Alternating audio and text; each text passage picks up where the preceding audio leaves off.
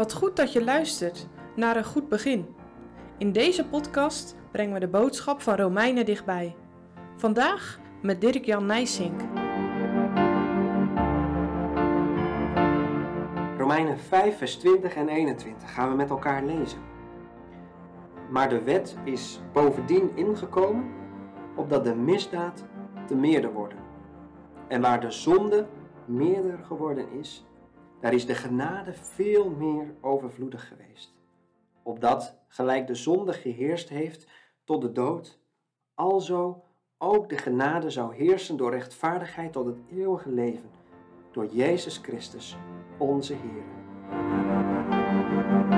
Het thema voor vandaag is genade wint het altijd.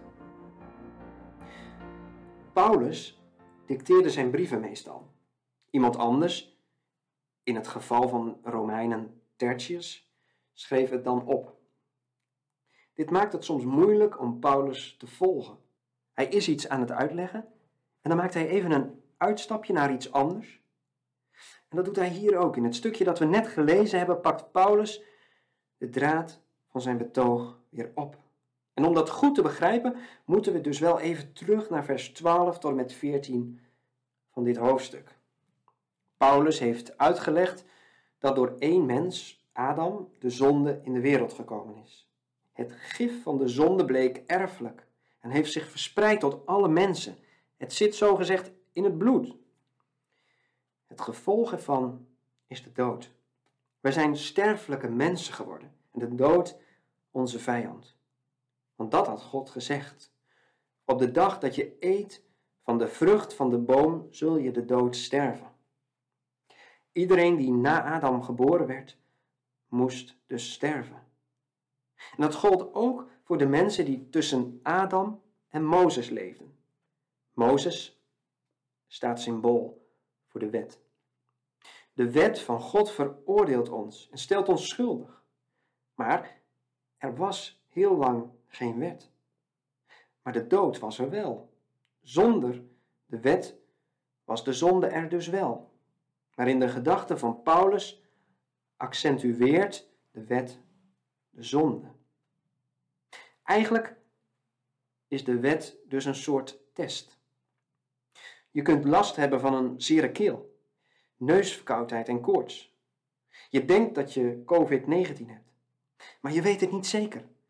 Zolang er geen positieve testuitslag is, weet je niet zeker of je corona hebt. Zo is het dus ook met de zonde. Iedereen doet zonde. En we zijn onder de macht van de zonde. Maar de wet maakt dat echt duidelijk. Door de heilige wet van de Here zien we des te duidelijker wat er nu precies mis is met ons. En nu pakt Paulus die gedachte weer op.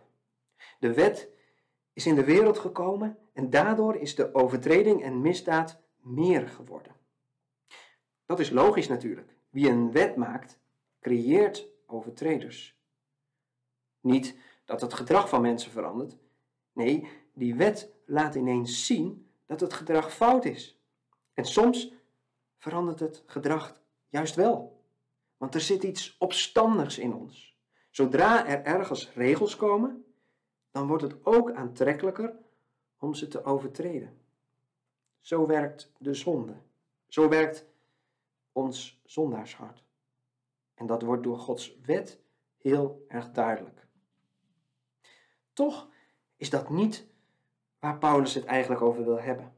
Hij noemt de zonde en de wet om een ander punt te maken. Opnieuw, voor de derde keer op rij lees je het woord overvloedig. Zie je inmiddels de lijn?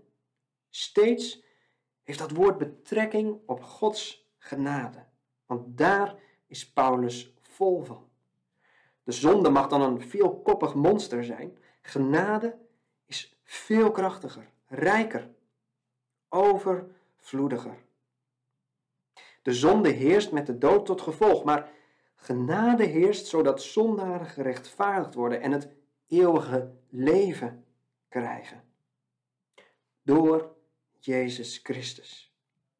Die naam, Jezus Christus. Die mag niet onvermeld blijven. Want door Hem en door Zijn werk is Gods genade overvloedig. Lof zij het Lam. Hoe meer ik de brieven van Paulus lees, hoe meer ik van deze teksten ga houden. Ja, het is moeilijk.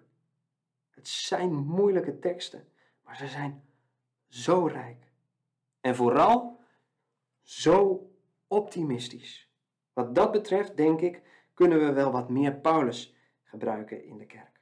Als Paulus over de wet spreekt, wil hij het eigenlijk over de genade hebben. En het allerbeste nieuws is dat dit blijkbaar is wat de Heilige Geest door Paulus aan ons wil vertellen.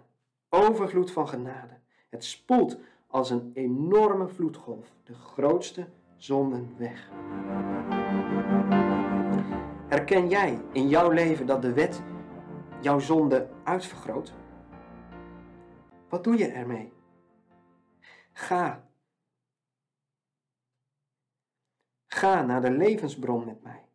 Het aanbod tot de dronk is vrij. Het is zonder geld te kopen.